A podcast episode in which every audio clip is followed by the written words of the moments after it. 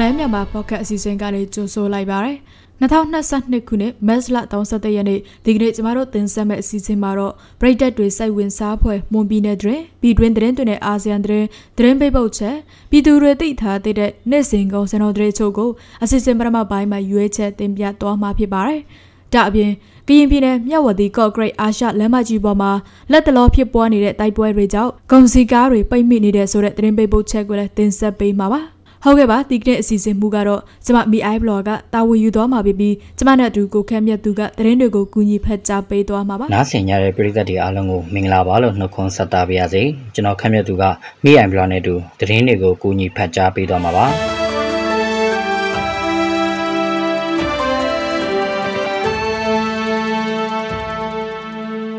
မွန်ပြည်နယ်ဝန်ကြီးချုပ်ဦးစော်လင်ထွန်းအစိုးရအဖွဲ့ဝင်ဝန်ကြီးတွေမွန်ပြည်နယ်အတွင်းရှိရုပ်ရှင်ရုံပိုင်ရှင်တွေနဲ့ရုပ်ရှင်ရုံပြည်လဲဖွင့်လှစ်နိုင်ရေးလုပ်ငန်းကြီးနှိုင်းစီဝေးကိုမရိကမွန်ပြည်နယ်အစိုးရအဖွဲ့ရုံအောင်စန်းခမ်းမမှာကျင်းပခဲ့ပါတယ်အစည်းအဝေးမှာပြည်내ဝန်ကြီးချုပ်ဦးစော်လင်ထွန်းကအဖွင့်မှာစကားပြောကြားခဲ့ပြီးမွန်ပြည်နယ်အတွင်းကရုပ်ရှင်ရုံတွေပြန်လည်ဖွင့်လှစ်နိုင်ရေးအတွက်လုပ်ငန်းညှိနှိုင်းအစည်းအဝေးကိုကျင်းပရတာဖြစ်တယ်လို့ဆိုပါတယ် မွန်လမြိုင်တွင်ပရိယုံယတနာဦးရုပ်ရှင်ယုံအိုးရှင်းရုပ်ရှင်ယုံတွေကိုတက်တန်တိုးဆောင်ရွက်ပြီး ကြံရုပ်ရှင်ယုံတွေကလုပ်ငန်းတွေဆက်လက်ဆောင်ရွက်တော့ဖို့လိုအပ်တယ်လို့ပြောဆိုခဲ့ပါတယ်။ဒါ့အပြင်ရုပ်ရှင်လုပ်ငန်းဆောင်ရွက်နိုင်ခြင်းမရှိသေးတဲ့နန်းတော်ယုံ၊မြိုင်ယုံ၊ရွှေကျဲယုံနဲ့မြင့်မြတ်ရုပ်ရှင်ယုံတွေကိုလည်းတတ်မှတ်စည်းမျဉ်းစည်းကမ်းနဲ့အညီဆောင်ရွက်သွားရန်လိုပြီးမလောက်နိုင်ရင်စာချုပ်ကိုဖောက်ဖျက်ရရောက်တယ်လို့ပြောဆိုခဲ့ပါတယ်။မွန်ပြည်နယ်မှာရုပ်ရှင်ယုံလုပ်ငန်းဆောင်ရွက်နိုင်ခြင်းမရှိသေးတဲ့ရုပ်ရှင်ယုံ၄ယုံဘိုင်းရှင်နဲ့ကိုယ်စားလှယ်တွေကရုပ်ရှင်ယုံတွေဖွင့်နိုင်ဖို့လှုံ့ဆော်နေတယ်လို့ဆွေးနွေးခဲ့တယ်လို့သိရပါတယ်။တိုက်ပွဲတွေဖြစ်ပွားနေပြီးအာရှလမ်းမကြီးပိတ်ထားတာကြောင့်မွန်ပြည်နယ်အတွင်းထိုင်းဘက်ကနေတင်သွင်းတဲ့ကုန်ပစ္စည်းဈေးနှုန်းတွေမြင့်တက်လာနေသလိုပစ္စည်းပြက်လက်တာတွေကြောင့်လုပ်ငန်းရှင်တွေနဲ့ပြည်သူတွေအခက်အခဲကြုံတွေ့နေရတယ်လို့ဒေသခံတွေကပြောပါတယ်။ကုန်ပစ္စည်းစီးဆင်းမှုမရှိတော့သလိုမြန်မာနှစ်တကူကာလအကျိုးမှာကုန်သွယ်ရေးတွေပြင်ခီးသွွားလုပ်ငန်းတွေပါအကြီးအကျယ်ထိခိုက်ခဲ့ကြတယ်လို့လုပ်ငန်းရှင်တွေကဆိုပါတယ်။ကုန်ပစ္စည်းတင်သွင်းနိုင်ခြင်းမရှိတော့ကြောင့်အခြေခံစားသောက်ကုန်အပါအဝင်ကုန်ပစ္စည်းတွေဈေးနှုန်းမြင့်တက်လာပြီးဈေးကွက်မှာကုန်ပစ္စည်းပြက်လက်မှုနဲ့ကြုံတွေ့နေရတယ်လို့ရောင်းဝယ်နေသူတွေကပြောပါတယ်။ မြန်မာနိုင်ငံမြောက်ရီနယ်စပ်ကနေတဆင့်ထိုင်းနိုင်ငံတဲကိုစိုက်ပျိုးရေးနဲ့ရေထွက်ပစ္စည်းတွေတင်ပို့နေတာဖြစ်ပြီးထိုင်းနိုင်ငံဘက်ကနေအခြေခံစားသောက်ကုန်၊စေဝါအလှကုန်လူသုံးကုန်ပစ္စည်းနဲ့ဆောက်လုပ်ရေးသုံးကုန်ကျန်းပစ္စည်းတွေကိုအဓိကတင်သွင်းနေတာပါမြန်မာထိုင်းနယ်စပ်မြောက်ရီနယ်စပ်ကနေတဆင့်ဝင်ရောက်လာတဲ့လူသုံးကုန်စားတောက်ကုန်အဝိထေစတဲ့ထိုင်းကုန်ပစ္စည်းတွေကိုမွန်ပြည်နယ်မှာဝယ်ယူသုံးစွဲနေကြတာပါ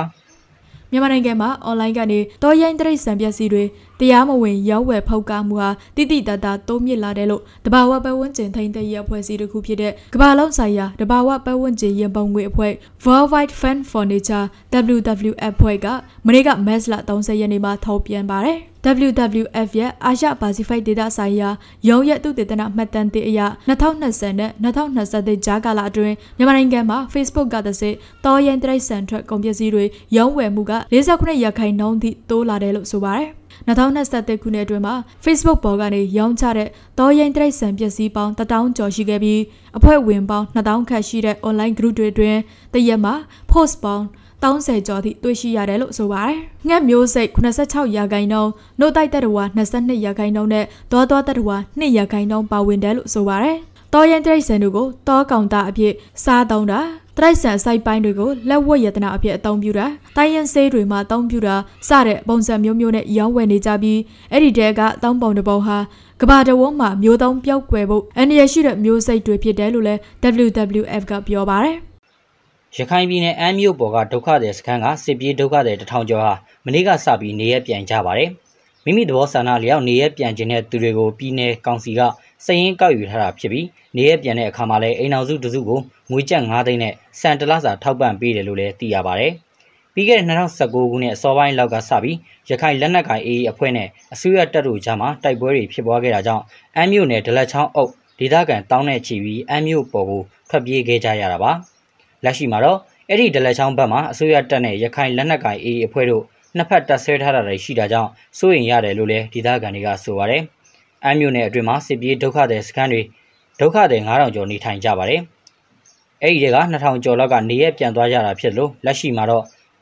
စစ်ကြံလက်နက်တွေနဲ့မြုံမြုံမိုင်းတွေမရှင်းရသေးတာကြောင့်နေရမပြန်နိုင်သေးတဲ့စေဘေးဒုက္ခတွေ2000ကျော်လဲကြံနေသေးတာဖြစ်ပါတယ်။မြန်မာစစ်တပ်ရဲ့လူမျိုးတုံးတပ်ဖြတ်မှုတွေကြောင့် ဘင်္ဂလားဒေ့ရှ်နိုင်ငံကိုထွက်ပြေးရတဲ့ရိုဟင်ဂျာတွေအတွက်လူသားချင်းစာနာမှုဆိုင်ရာအကြက်အသက်တောက်ပြည့်ရဲ့စီစဉ်ကိုဆောင်ရွက်ဖို့အမေရိကန်နိုင်ငံကနောက်ထပ်ဒေါ်လာ152တန်းကျော်ထပ်ဝင်မယ်လို့ပြီးခဲ့တဲ့နှစ်ရက်ကအမေရိကန်နိုင်ငံကြားရေးဌာနပြောရေးဆိုခွင့်ရှိသူကပြောပါတယ်။ အခုထောက်ပံ့ငွေနဲ့ဆိုရင်အမေရိကန်နိုင်ငံက2019ဩဂတ်စ်လနောက်ပိုင်းဘင်္ဂလားဒေ့ရှ်နိုင်ငံကိုထွက်ပြေးခဲ့ရတဲ့ရိုဟင်ဂျာ9သိန်း၄တောင်အတွက်ဒေါ်လာ1.9ဘီလီယံထောက်ပံ့ခဲ့တာဖြစ်ပါတယ်။ဒီထောက်ပံ့ငွေကြောင့်တောက်ခတ်တဲ့တွေကိုလက်ခံထားတဲ့စိုက်စစ်တနာထက်တန်တဲ့ဘင်္ဂလားဒေ့ရှ်နိုင်ငံအတွက်လည်းအထောက်အပံ့ကူညီမှုဖြစ်စေသလိုရိုဟင်ဂျာပြည်ထနာနဲ့အတူအကြမ်းဖက်မှုတွေတိုးပွားလာနေတဲ့မြန်မာနိုင်ငံကပြည်တွင်းအခြေအနေတွေကိုလည်းအပြည့်ပြည့်ဆိုင်ရာကအာရုံပိုစိုက်ပြီးပုံမဆောင်ရွက်လာမှာဖြစ်တယ်လို့ပြောပါတယ်။ အခုထောက်ပံ့ငွေတွေထက်ကဒေါ်လာ52တန်းဟာအမေရိကန်ကနိုင်ငံခြားရေးဝန်ကြီးဌာနလူဦးရေနဲ့ဒုက္ခသည်ရွှေ့ပြောင်းရေးဘျူရိုကဖြစ်ပြီး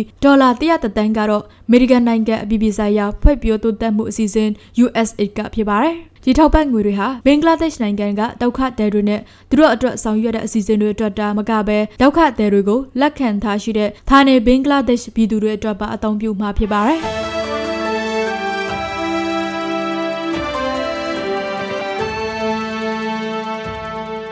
ဆက်လက်ပြီးတော့ပြည်သူတွေသိထားတဲ့နေ့စဉ်ကောင်းစင်တော်တဲချို့ကိုမလမြိုင်ကောင်းစီတိုင်းကချက်လက်တို့ကိုအခြေခံပြီးစမကတင်ဆက်ပေးပါဦးမယ်။ဒီကနေ့ထိုင်းနဲ့မြန်မာငွေလဲနှုန်းကတော့ထိုင်းဘတ်60တရမ9တုံညဝယ်ဈေးရှိပြီးတော့ရောင်းဈေးက63တရမ1တုံညရှိနေပါတယ်။ဒေါ်လာဈေးကတော့အမေရိကန်ဒေါ်လာကိုဝယ်ဈေးမြန်မာငွေ1989ကျပ်ရှိပြီးရောင်းဈေးကတော့1982ကျပ်ရှိပါတယ်။ 73စီတွေကတော့ဒီဇယ်တလီတာကို2245ကျပ်အောက်တိတ်92တလီတာကို2065ကျပ်နဲ့95တလီတာကို2190ကျပ်အထိရှိတာပါရောဘာဈေးနှုန်းမှာအကောင်ဆောင်ကတော့နေလန်းလွတ်တပေါင်ကို1235ကျပ်ရှိပါတယ်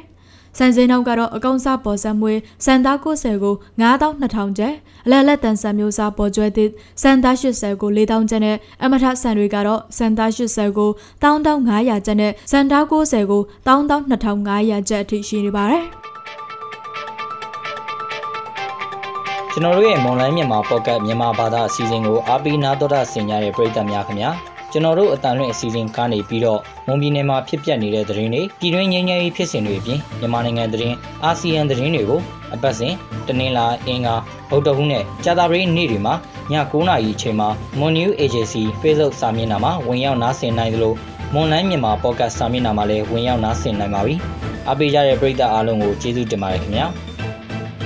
အခုတင်ဆက်ပေးသွားခဲ့တာကမတ်လ31ရက်နေ့မှာဖြစ်ပျက်ခဲ့တဲ့မွန်ပြည်နယ်တွင်ပြည်တွင်းသတင်းနဲ့အာဆီယံသတင်းတွေပြင်တနိတ်တာစီစေးငွေစဲနဲ့ကောင်စင်းတို့တွေကိုတင်ဆက်ပေးသွားတာဖြစ်ပါတယ်ဆက်လက်ပြီးတော့ကရင်ပြည်နယ်မြောက်ဝတီကော့ဂရိတ်အာရှလမ်းမကြီးပေါ်မှာလက်တလောဖြစ်ပွားနေတဲ့တိုက်ပွဲတွေကြောင့်ကောင်စီကားတွေပိတ်မိနေတဲ့ဆိုတဲ့သတင်းပေးပို့ချက်ကိုစရောင်းနုံကတင်ဆက်ပေးပါမယ်ရှင်။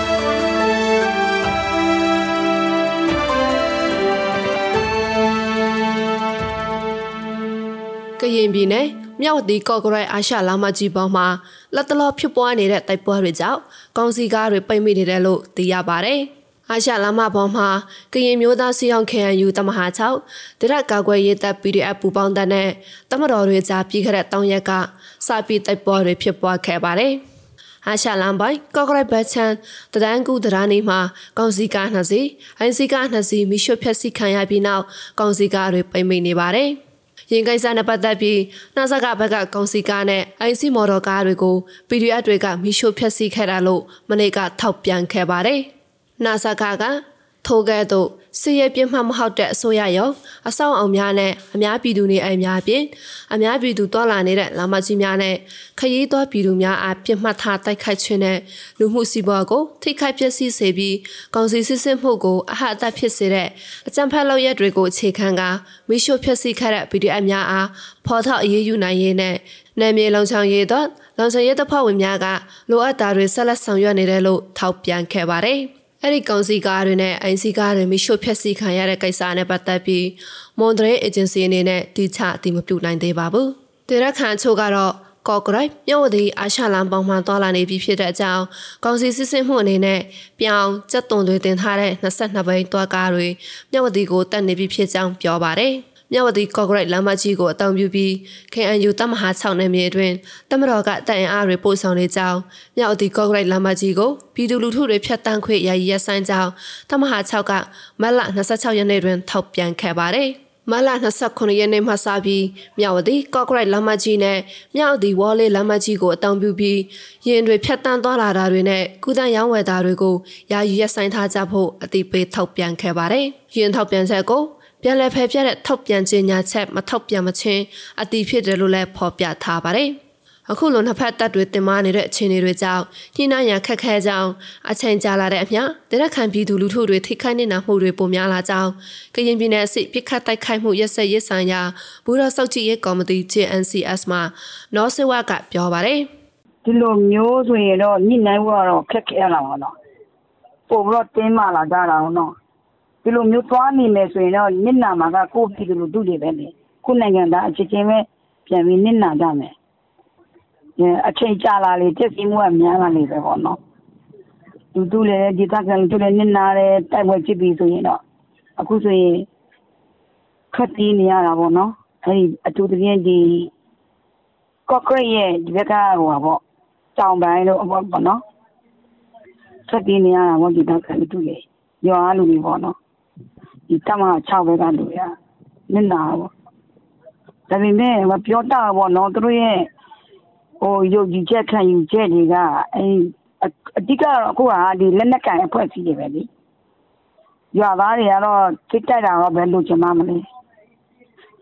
ကျွန်တော်တို့တွေလည်းအခုမှငြိမ်းချမ်းစပဲရှိနေတယ်လေတကယ်လို့သာဒီအဲမျိုးတိုက်နေခိုက်နေကြမယ်ဆိုရင်တော့ပြည်လျောင်ပြန်ညှိနိုင်ဖို့ဟာ တအားကိုအချိန်ယူရအောင်ပဲမြောက်ဒီကော့ကရိုက်အာရှလမ်းမကြီးဘောကတိုက်ပေါ်တွေကြောင့်ကော့ကရိုက်တောင်ပိုင်းရှိဒေသခံရောသားတွေဘေးလိုရာကိုထွက်ပြေးတိမ်းရှောင်နေကြရတယ်လို့သိရပါတယ်။